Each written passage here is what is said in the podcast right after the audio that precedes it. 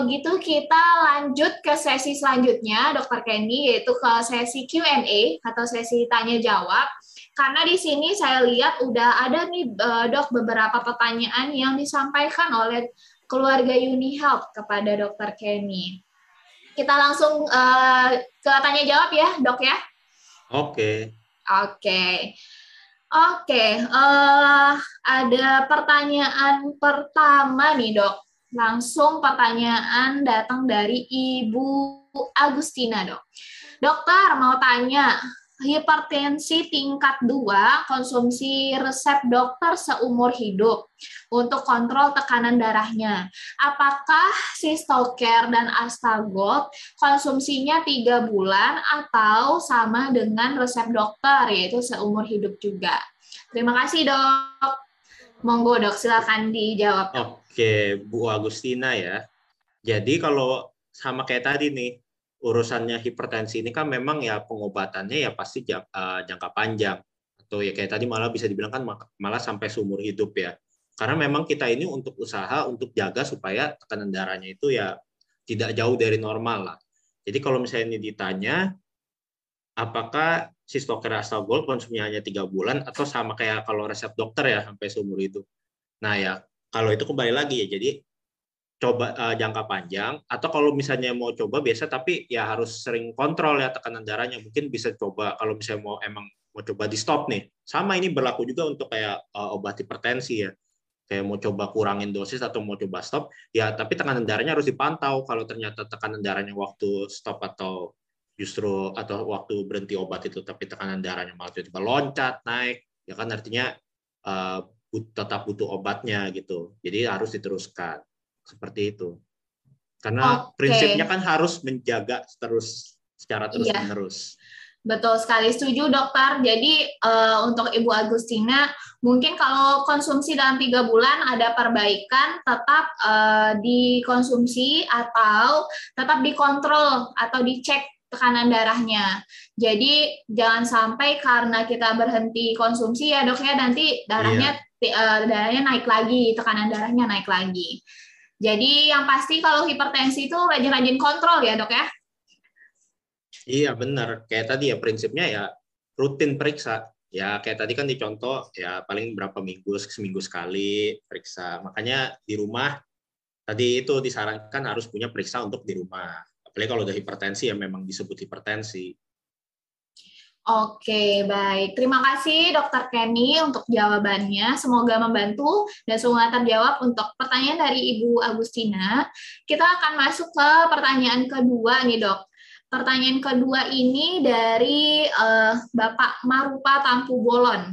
Siang dokter, apakah Sistoker ditambah Astagol boleh ditambah Magozai lagi untuk penderita hipertensi yang ada riwayat jantung? Lalu pertanyaan selanjutnya, dan apakah Sistocare ditambah Astagol bisa disarankan untuk penderita stroke? Oke, yang pertama dulu ya, uh, Pak Marupa ini. Yes, Jadi kalau Pak Marupa, untuk, dok. apakah boleh ditambah magozai untuk uh, yang hipertensi dan riwayat jantung? Ya boleh dicoba dulu. Uh, kalau misalnya memang memberikan manfaat juga kan bisa lebih baik, ya boleh diteruskan. Tapi kalau misalnya boleh kemudian dicoba mungkin uh, tambah sistocare, astagoldnya ditambah magosai, mungkin magosai uh, nggak cocok atau gimana, ya bolehlah ya. Tapi dipilih mau yang mana nih lanjutnya. Lalu kalau misalnya untuk apakah bisa disarankan untuk penderita stroke?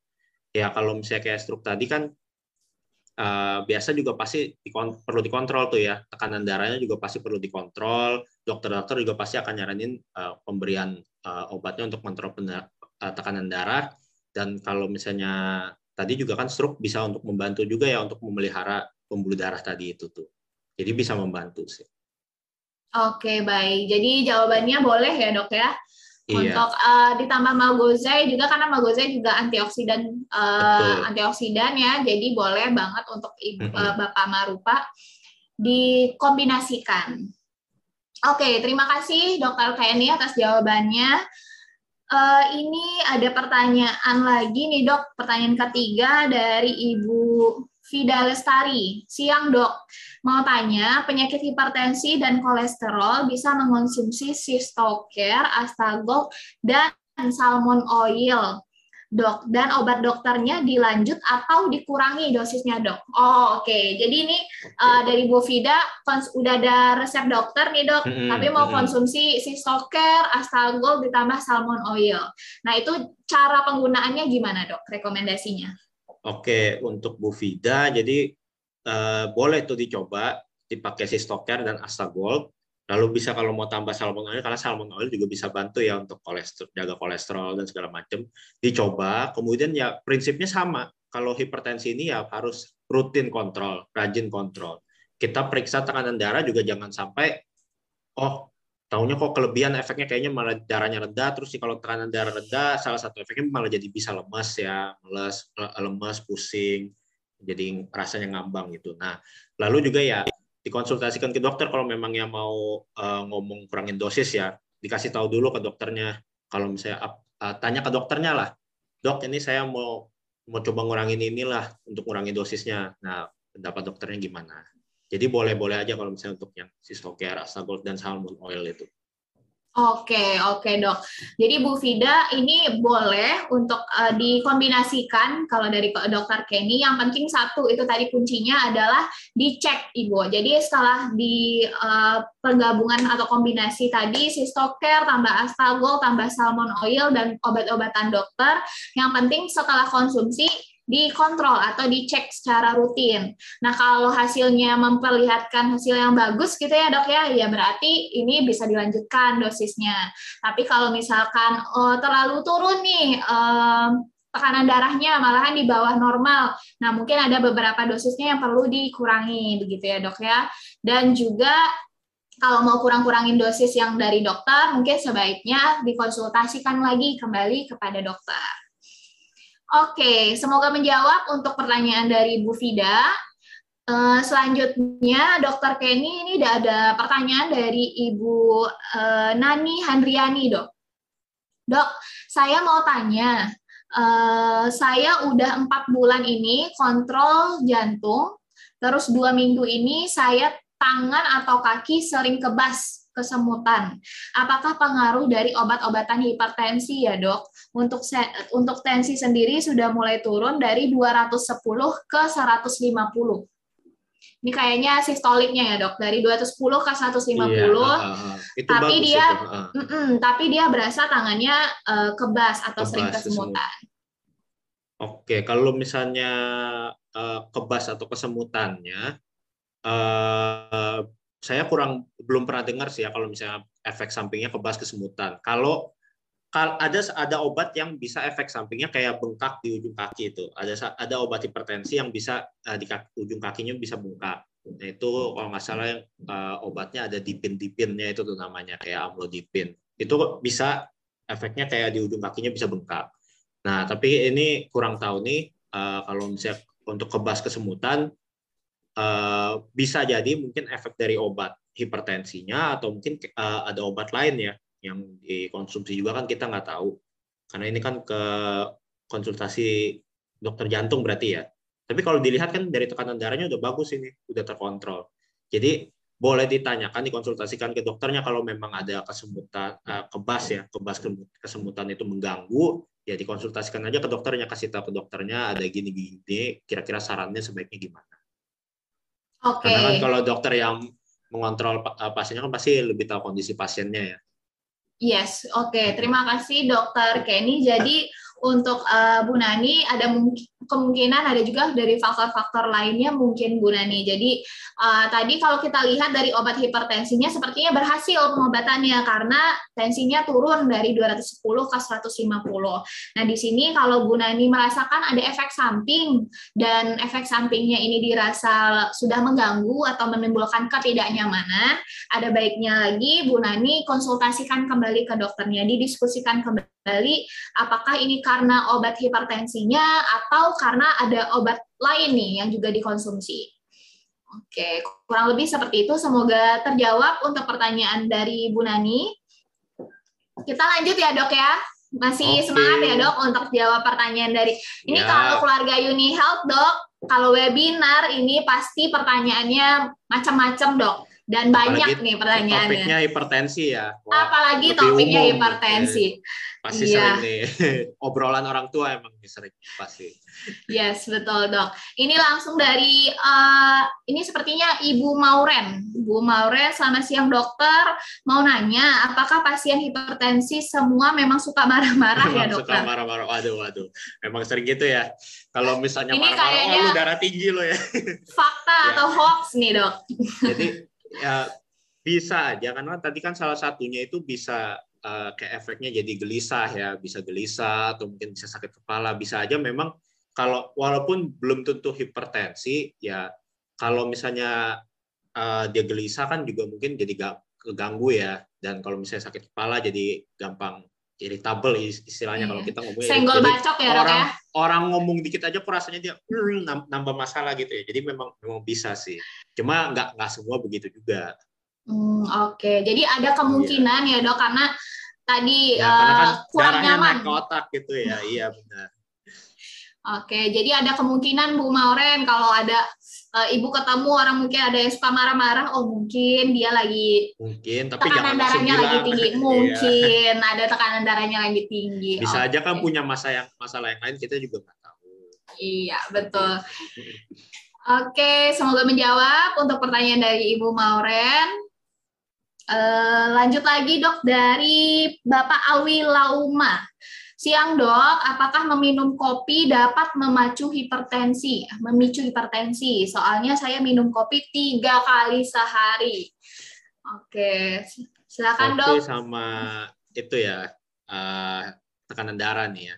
Yes. Jadi kalau misalnya kopi itu kan memang ada kafein ya, kafein juga kan bisa memacu uh, kerja jantung tuh.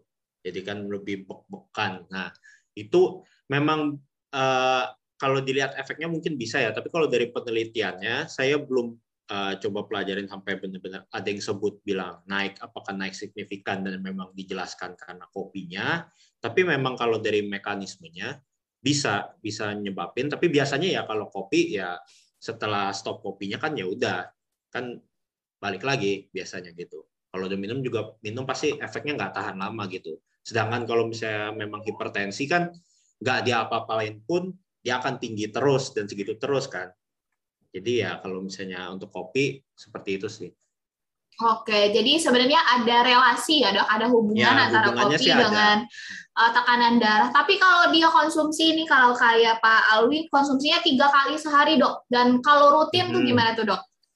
Iya kan biasa tapi juga kalau kopi efeknya berapa jam uh, yang macu sampai macunya berasa gitu kan biasa berapa jam setelahnya bisa uh, biasanya sih nggak tahan lama beda gitu ya jadi harusnya sih ya nggak bilang sampai kayak hipertensi kan 140 terus di situ terus sepanjang hari ya. Oke, baik. Terima kasih atas jawabannya, Dokter Kenny. Semoga menjawab untuk Bapak Alwi pertanyaannya. Mbak Priska, Ibu Marupa, bukan Pak Oke. Mohon maaf nih Bu, kayaknya kita belum pernah ketemu, jadi saya masih agak keliru nih, mohon maaf Ibu Marupa tadi dok yang bertanya. Oke, oh pertanyaan kedua dari Bu Mauren. Jadi ada pertanyaan lanjutan nih dok. Apakah pasien hipertensi harus terus minum obat dokter walaupun tekanan darahnya sudah turun ya dok? Nah ini juga sering, udah banyak banget ya, nih dok ya, keluarga Uni Health yang bertanya seperti ini. Iya, jadi kalau memang mau kayak misalnya mau mau berhenti ya biasa kan sering ngomong gitu ya udah lihat oh udah turun nih mau berhenti. Pasti selalu ya konsul dulu ke dokternya ngomong kalau misalnya apa mungkin bisa diturunin dulu dosisnya. Karena tak yang ditakutkan tadi itu kalau misalnya kita tiba-tiba berhenti nggak ngasih tahu dokternya atau gimana tiba-tiba naik ntar nggak ketahuan itu yang jadi masalah itu yang berbahaya. Makanya tadi rutin periksa dan kalau misalnya mau diturunkan dosis pun dokter pasti akan nyaranin kalau misalnya oke okay, dicoba dosisnya turunin itu pasti disarankan untuk sering periksa itu tekanan darahnya. Karena yang dokter nggak mau takut juga kecolongan istilahnya ntar gara-gara di stop atau dikurangin tiba-tiba melonjak naik terus uh, komplikasi macam-macam seperti itu. Oke, jadi intinya tetap dicek secara rutin dan juga kalau mau ada diturunkan dosisnya, Bapak Ibu eh, baiknya dikonsultasikan lagi kepada dokternya. Dan iya, juga mungkin yang dokternya Iya, mungkin juga ada beberapa orang ya dok yang mikirnya oh uh, tekanan darahnya udah kembali normal, udah bagus, hmm. tapi ternyata dia bagus karena konsumsi obat atau ya, karena betul. kondisi konsumsi sistoker tadi misalkan. Hmm. Jadi kalau udah lepas obatnya, lepas sistokernya ya ada kemungkinan lagi nanti tekanan darahnya bisa naik lagi gitu ya dok ya. Iya, benar. Yang penting adalah uh, itu tadi uh, tetap rutin dikontrol atau dicek bapak ibu semua. Oke, semoga terjawab untuk pertanyaannya, Ibu Mauren. Uh, lanjut lagi, dok. Ada pertanyaan dari Ibu Sisilia nih, dok. Izin bertanya, Dokter Kenny. Untuk hipertensi maligna, apa harus minum obat? Kebanyakan orang yang mau divaksin tensinya pada tinggi. Apakah perlu minum obat juga? Gimana? Boleh diulang tadi? Uh, dari Bu Sisil nih dok pertanyaannya mm -hmm. untuk hipertensi, hipertensi. maligna mm -hmm. apakah harus minum obat lalu dia sambung lagi ada pertanyaan kedua kebanyakan orang yang mau divaksin itu tensinya tinggi nah ini apakah perlu minum obat apa ini jangan-jangan uh, cuman tinggi sementara gitu kali ya dok oke kalau hipertensi maligna tadi ya kalau yang saya nangkepnya ya kalau udah dibilang sampai hipertensi maligna kalau yang saya paham sih itu udah kondisi darurat ya. Itu harusnya kondisi darurat ya pasti akan pastinya kalau ke dokter dan atau kalau misalnya ke UGD atau gimana dan dibilang hipertensi maligna pasti akan ditangani sesuai penanganannya. Sedangkan kalau yang tadi itu ya vaksin ya, vaksin kok pas diukur tekanan darahnya tinggi. Itu satu bisa tadi itu mirip sama yang kayak istilah uh, white coat hipertensi tadi ya dokter kok tiba-tiba diukur malah tinggi padahal biasa di rumah enggak. Itu satu bisa mungkin karena faktor stres atau tegang nggak biasa disuntik ngeliat suntikan aja udah gemetar kejang-kejang gimana ya itu bisa ya. Bisa itu naikin tekanan darah karena stres. Nah tapi bisa juga kalau takutnya pas diukur apakah pas mau vaksin itu alat ukurnya gimana? Mungkin dicoba. Kalau misalnya pakainya yang digital kalau misalnya itu boleh diminta lah bilang ada nggak coba alat ukur yang lain? Yang misalnya kalau jar, yang jarum atau bisa air raksa yang air raksa. Kalau yang ada air raksa syukur. Ya bisa di, dicoba lah divalidasi atau nggak coba tangan yang lain. Jadi nggak cuma satu tangan. Kayak gitu sih. Oke, jadi untuk Bu Sisil yang pertama, kalau udah masuk ke hipertensi maligna, itu pasti harus langsung uh, segera karena udah urgent, udah emergensi ditangani, baik diberi obat atau uh, ditangani lah oleh uh, dokter langsung. Lalu yang kedua, kalau uh, biasanya tekanan darahnya tinggi tapi cuman waktu mau vaksin, kalau biasanya di rumah enggak gitu ya. Nah ini baiknya mungkin ada beberapa nih saran dari dokter Kenny. Yang pertama, uh, oh mungkin dari alatnya yang kurang akurat, jadi bisa dicoba dengan alat lain atau yang kedua adalah uh, dicoba dengan tangannya lain. Mungkin yang bagian tangan kanan dicoba uh, tensinya tinggi, boleh diganti ke tangan kiri seperti itu. Atau mungkin bisa dicoba lagi di hari yang lain nih kali ya dok ya. Mungkin di hari iya, itu lagi hari lain atau enggak ya coba di tempat lain juga kayak tadi ya divalidasi juga sama yang periksa di rumah atau di tempat lain gitu. Oke, jadi bisa di hari lain atau di tempat yang lain juga bisa untuk Ibu Sisil. Dan akuratan mana sih dok? Tensi yang manual kah atau tensi yang digital? Karena hasilnya nggak sama. Oh tadi mungkin udah ada ya, dibahas tadi, dokter Kenny ya, ya sekilas uh, ya. Jadi kalau digital itu, kalau untuk penggunaan sendiri, apalagi cuma biasa di rumah sendiri gitu ya, atau nggak ada yang orang di rumah yang udah terbiasa untuk ngelakuin yang manual karena kalau manual kan pasti butuh dua orang eh, butuh satu orang lagi nih yang yang meriksanya kan mesti dengerin tuh pakai stetoskop Nah, kalau emang nggak ada yang terlatih gitu, pakai yang digital di rumah sudah sangat lebih dari cukup. Lebih baik memeriksa daripada kita tidak memeriksa sama sekali. Prinsipnya seperti itu. Ya. Oke, jadi prinsip utamanya adalah kembali lagi ya dok, kalau hipertensi hmm. itu cek, cek, cek, rutin cek. Oh. Nah kalau adanya di rumah ya digital, ya pakainya digital. Yang penting dicek daripada nggak dicek sama sekali. Tapi hmm. kalau tadi yang berdasarkan dari uh, presentasinya dokter Kenny, yang pertama itu yang merkuri ya dok, yang raksa yang, ya, ya. Yang air raksa itu memang sudah gold standar, itu paling akurat. Oke, standarnya itu adalah pakai yang tensimeter air raksa, lalu yang kedua keduanya adalah yang jarum ya dok? Iya betul. Yang jarum lalu yang ketiganya digital. Jadi kalau ibu hmm. bapak ibu di sini bisa di mau beli nih. Terus uh, bisa ada pilihan tiga itu sebenarnya paling bagus tuh yang air raksa. Cuma hmm. biasanya kalau pemakaian di rumah ya dok ya biasanya yeah. Uh, yang gampangnya itu pakai yang digital ya dok ya. Betul. Sendiri okay. juga bisa ngerjain. Iya karena hanya butuh satu orang ya dok untuk penguka, pengukuran pakai digital. Hmm. jadi digital aja sudah cukup bagus untuk uh, Bu Sisil. Uh, yang penting adalah diceknya secara rutin. Oke, semoga menjawab untuk pertanyaan dari Bu Sisil. Waduh, ini masih banyak banget nih dok pertanyaan untuk dokter Kenny nih. Sangat antusias berarti. Antusias berarti. banget nih dok. Oke, lanjut lagi dok dari Ibu Nani. Terus saya mau tanya lagi dok, dengan rasa yang saya rasakan kebas-kebas tadi, apakah mengarah ke gejala stroke? Oh ini tadi lanjutan pertanyaan tadi dok, oh, yang okay. uh, eh, minum obat hipertensi, hipertensinya bagus, uh, tensi darahnya membaik, tapi ada kebas-kebas. Nah beliau Rasa ini kebas, ya? khawatir, iya ya, khawatir, apa yang ini mengarah ke gejala stroke apa bukan? Iya, kalau misalnya memang uh, takutnya ini mengarah ke neurologis, bisa mungkin karena kesemutan ya kesemutan kayak rasa tusuk-tusuk kebas-kebas bisa tapi ya tentunya kalau memang mau yakin periksa ke dokter coba ke dokter saraf uh, karena bisa juga uh, belum tentu karena stroke kalau stroke kan ke otak nih ya bisa bisa saja masalahnya bukan di otaknya tapi kayak misalnya saraf yang memang ke kakinya. Jadi saraf yang lebih di perifer uh, saraf yang uh, bukan dari otak. Bisa juga tapi yang dari otaknya tapi kalau misalnya dari otak itu biasa sih juga kena bagian tubuh yang lain ya. Nggak cuma uh, kayak kakinya dong misalnya kayak sebelah tubuh misalnya jadi baal atau lumpuh gitu biasanya sih. Kalau misalnya kebas-kebas gini sih rasanya sih mungkin lebih ke saraf yang di tepinya aja sih. Jadi bukan yang ke stroke ke otak jadi tapi kalau misalnya memang nggak yakin dan takut ini ya mengarahnya ya bisa masalah ke saraf boleh konsultasi ke dokter yang memang ke saraf Oke, jadi sebenarnya banyak ya dok faktor-faktor hmm, yang kalau harus kita mengganggu banget apalagi kan ya.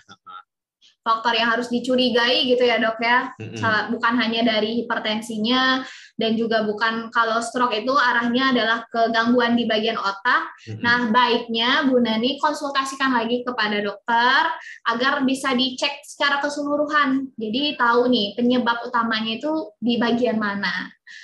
Oke, semoga menjawab untuk pertanyaan Ibu Nani. Uh, lanjut lagi dok, pertanyaan dari Bu Riah. Dok, kalau pasien hipertensi dapat diberikan astagol dan salmon oil di, diminum sekaligus bersamaan? Ini mirip sama sebelumnya ya. Uh, kalau sebelumnya si stoknya rasa gue apa bisa salmon oil juga. Salmon oil kan juga bisa membantu ya kayak untuk kolesterolnya. Kan kolesterol juga salah satu faktor risiko untuk uh, hipertensi. Jadi boleh sih, boleh-boleh aja.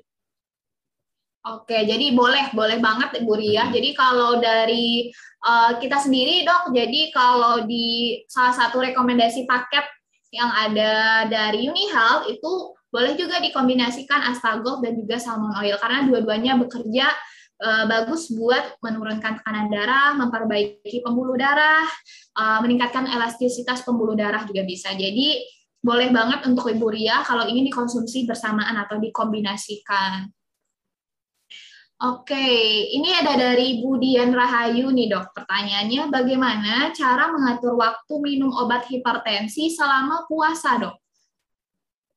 Oke, kalau untuk uh, obat hipertensi, uh, sebenarnya sih ikuti ini aja ya. Uh, biasanya kalau kalau biasanya minum kan biasa sih satu kali sehari kan ya kalau untuk obat hipertensi ini. Jadi kalau misalnya ya satu kali sehari ya ditentuin aja. Yang penting jadwalnya konsisten, biar nggak lupa aja sih untuk satu harinya gitu. Oke, jadi ditentukan ya dok iya, uh, waktunya aja. dan uh, konsisten mengikuti waktu tersebut. Ya konsistennya biar ngebantu juga lah ya kan biar nggak biar nggak gampang lupa. Ya Oke, sesuai jadi, semua sesuatu ikutin uh, anjuran obat pemakaian obatnya aja kayak misalnya sebelum makan atau setelah makan segala macam kalau misalnya ada ya diikuti aja dan oh. ditentuin aja satu jat waktu tertentu.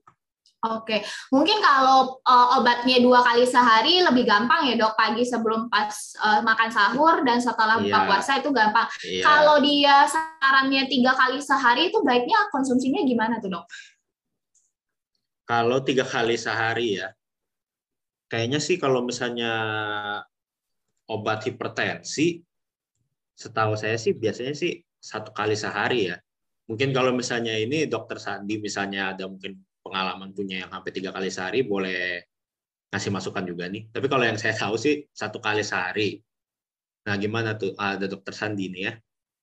Oh oke, okay. jadi emang rata-rata kalau hipertensi iya sendiri sih, sih Iya, satu kali sehari ya dok. Jadi tinggal ditentukan dari budian, misalkan uh, konsumsinya pagi sebelum uh, waktu makan sahur. Jadi rutin aja itu setiap hari waktu makan sahur atau setelah berbuka puasa ya berarti besok besokannya di waktu yang sama. Gitu ya dok, kurang lebihnya ya dok. Iya. Oke, uh, lanjut lagi, Dokter Kenny. Ini ada pertanyaan dari Bu Sela, dok. Siang, dok, apakah penderita darah tinggi bisa meningkatkan asam urat atau gula darah? Yang mana yang harus diobati dulu ya? Apakah darah tingginya dan juga apakah darah tingginya bisa bikin cucu darah? Oh, mungkin maksudnya diturunkan kali ya, dok ya? Apakah bisa bikin, bisa bikin cucu darah? cuci darah kali ya cuci oh oke okay. cuci darah kayaknya ya dok oke okay, mungkin bisa jawab satu-satu dulu ya dok oke okay, kalau misalnya ditanyanya apakah darah tinggi yang bisa naikin asam urat atau gula darahnya kalau yang saya tahu sih justru kebalik ya biasanya kalau yang gula darahnya tinggi atau dia diabetes justru tekanan darahnya tinggi tuh nah jadi yang nyebabinnya justru kayak diabetesnya itu yang jadi masuknya kayak tadi hipertensi sekunder tuh ada penyebabnya jelas dan ketahuan tuh. Jadi kalau misalnya biasanya ininya diobati, gulanya diobati, ya syukur-syukur tekanan darahnya juga ikut turun. Dan apakah bisa bikin cuci darah?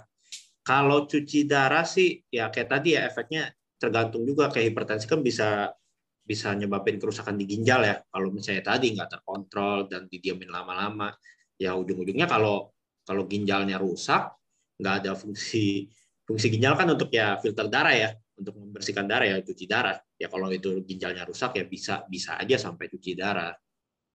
Makanya untuk hipertensi ya perlu dikontrol dan diobati. Seperti itu. Oke, baik. Jadi eh, ada aja ya dok kemungkinan kalau ditanya bisa mengganggu ke ginjal atau bahkan eh, hemodialisis atau cuci darah itu ada banget kemungkinannya kalau tidak segera ditangani, begitu ya dok ya. Mm -hmm. Oke, terima kasih atas jawabannya, dok. Lanjut lagi, dok. Mungkin uh, kita akan jawab dua pertanyaan terakhir kali ya, dok ya, karena mengingat limitasi Oke. waktu juga. Dari Bu Wiwik, dok. Uh, kalau ada pasien se uh, sekarang stroke makan masih pakai sonde, apakah boleh dikasih magozai?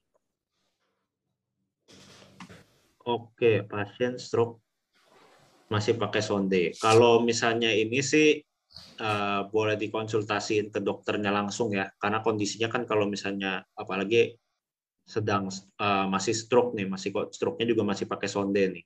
Jadi kalau sebaiknya sih kalau misalnya mau mau coba kasih magozai, konsultasiin ke dokternya yang nangani stroke-nya. Apakah boleh atau enggak? Karena kan kondisi pasiennya juga yang tahu lebih langsung dokternya nih kalau kasus seperti ini. Oke, jadi kalau biar lebih pasti gitu ya dok ya? Hmm, iya benar. satu pertanyaan terakhir dok, ini kita uh, jawab satu pertanyaan terakhir.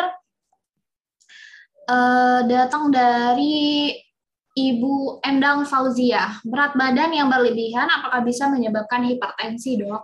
Oh ya bisa, tadi dari paparin tuh. Obesitas salah satu faktor resikonya hipertensi ya.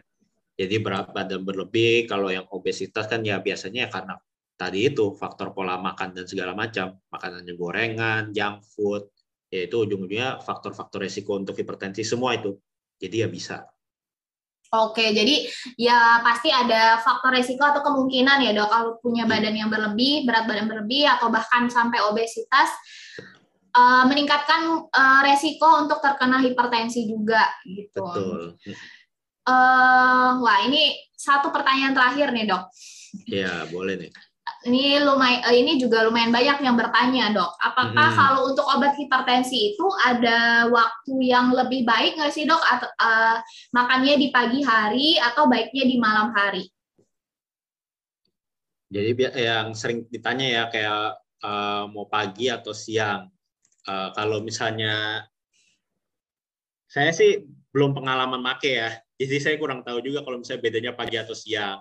Kalau nyari studinya juga uh, saya belum nyari studinya. Mungkin kalau misalnya dokter Sandi mungkin pengalaman nih nggak dok kayak pasien atau mungkin dokter pernah pakai nih justru pak pernah, dicoba nggak dok kalau misalnya pagi atau atau malam nih ada bedanya nggak dok? Oke mungkin Bo, dokter, dokter Sandi masih di mute dok. Oke, okay. uh, oke, okay. tadi di mute jadi saya, saya agak sulit. Oke, okay. kalau dari obat darah tinggi sih sebetulnya kan nanti kalau tadi slide-nya ini kan tadi udah dijelasin juga ya kan golongannya banyak. Mm-hmm. Nah, uh, memang itu nanti golongan obat itu nanti fungsinya akan berbeda juga sih cara penurunan tensinya. Jadi kayak misalnya tadi contohnya kalau di slide-nya Dr. Kenny tadi juga ada mengenai diuretik. Diuretik kan itu nanti sebetulnya kan juga akan ngebuang cairan pasien kan akan sering kencing. Kencing-kencing ya, ya dok. Nah, nggak mungkin kita pada saat ngasih diuretik minum malam hari, nggak tidur, apa itu pasien bolak-balik ke WC. Ya.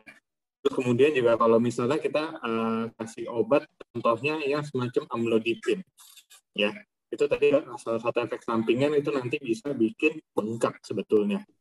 Kalau anda kata dikonsumsi pada pagi hari, ya pasti akan ganggu aktivitas nanti ujung-ujungnya. Jadi balik lagi nanti sesuai golongan obat juga sama nanti itu efeknya obat itu nanti itu karena ya jadi uh, pastikan konsultasi juga ke dokter ya. Uh, nanti kalau memang udah, di, udah dikasih tahu oh kamu minumnya malam hari nih atau kamu minumnya setengah tablet aja nih ikutin aja. Ya jangan jangan misalnya lupa aduh tadi apa uh, apa obat-obat diuretik kan terus saya lupa minum nih tadi saya minum malam deh. Ya repot nanti malah nggak bisa tidur. Ya jadi uh, pastiin tadi kalau dokter Kenny juga bilang uh, dapat obat pastikan juga nanti konsumsi dengan benar kontrol sendiri di rumah dengan alat apa pun tekanan darah yang dipunya lebih baik kita ngecek sendiri daripada kita nggak ngecek sama sekali ya itu aja yang bisa saya bantu jawab ya. Oke, okay, ya. terima Lebih ke efek samping ya, Dok. Sandi. Mm-hmm. Jadi kalau untuk efektivitas rasanya sih pagi, siang, sore sama aja kayaknya ya dok. Lebih kayak mengganggu tadi ya, apakah efek sampingnya ganggu atau enggak? Jika ada efek samping gitu ya dok, misalkan hmm. tadi yang dikatakan dokter Sandi, kalau obatnya Betul. ada efek uh, meningkatkan pengeluaran cairan ya jangan malam-malam nanti nggak tidur tidur pasiennya. Benar. Nah, oke, okay, nah intinya adalah bapak ibu uh, sesuai dengan apa yang disarankan oleh dokter. Jadi disuruh dokter makan pagi ya udah makan pagi atau disuruh dokternya makan dimakannya malam ya udah makan malam. Nah kalau bapak ibu yang pen, uh, juga penasaran kalau si stoker mbak Priska dikonsumsinya kapan malam atau pagi, Ah, nah, itu boleh dua-duanya, Bapak Ibu. Boleh pagi, boleh malam, karena memang kalau efek sampingnya tidak ada yang seperti misalkan meningkatkan uh, pengeluaran cairan, itu tidak ada. Jadi, boleh Bapak Ibu, uh, enaknya itu makannya di pagi hari atau malam hari. Yang penting, kembali lagi adalah waktunya setiap hari sama. Jadi, konsisten dan juga rutin. Oke, sepertinya kita udah jawab semua pertanyaan nih Dokter Kenny yang disampaikan oleh uh, peserta Uni Health Academy hari ini. Banyak banget nih pertanyaan-pertanyaan yang muncul dan Mantap, juga sudah didiskusikan dan sudah dijawab oleh Dokter Kenny. Ini pasti Bapak Ibu di rumah juga yang tadinya banyak pertanyaan-pertanyaan, banyak yang uh, keluh kesah nih dok. Jadi sekarang udah lebih, udah tahu nih dok udah tahu pertanyaannya udah terjawab dan semoga ini bisa membantu juga ya dok ya untuk bapak ibu semua yang punya keluhan seputar hipertensi atau mungkin orang-orang terdekatnya.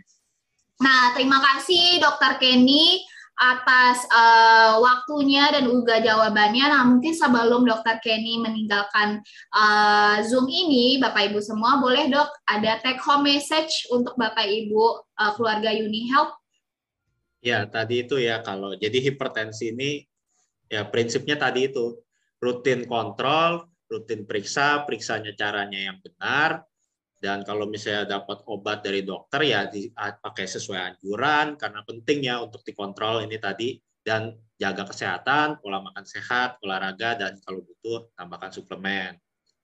Sekian, Oke, terima kasih. Siap, siap. Baik, terima kasih Dokter Kenny. Terima kasih atas waktunya dan juga sudah sharing dengan kita. Boleh Bapak Ibu semua Applause buat Dokter Kenny dari jauh juga nggak apa-apa Bapak Ibu semua. Terima kasih Dokter Kenny. Terima kasih See juga. you on the next webinar ya dok.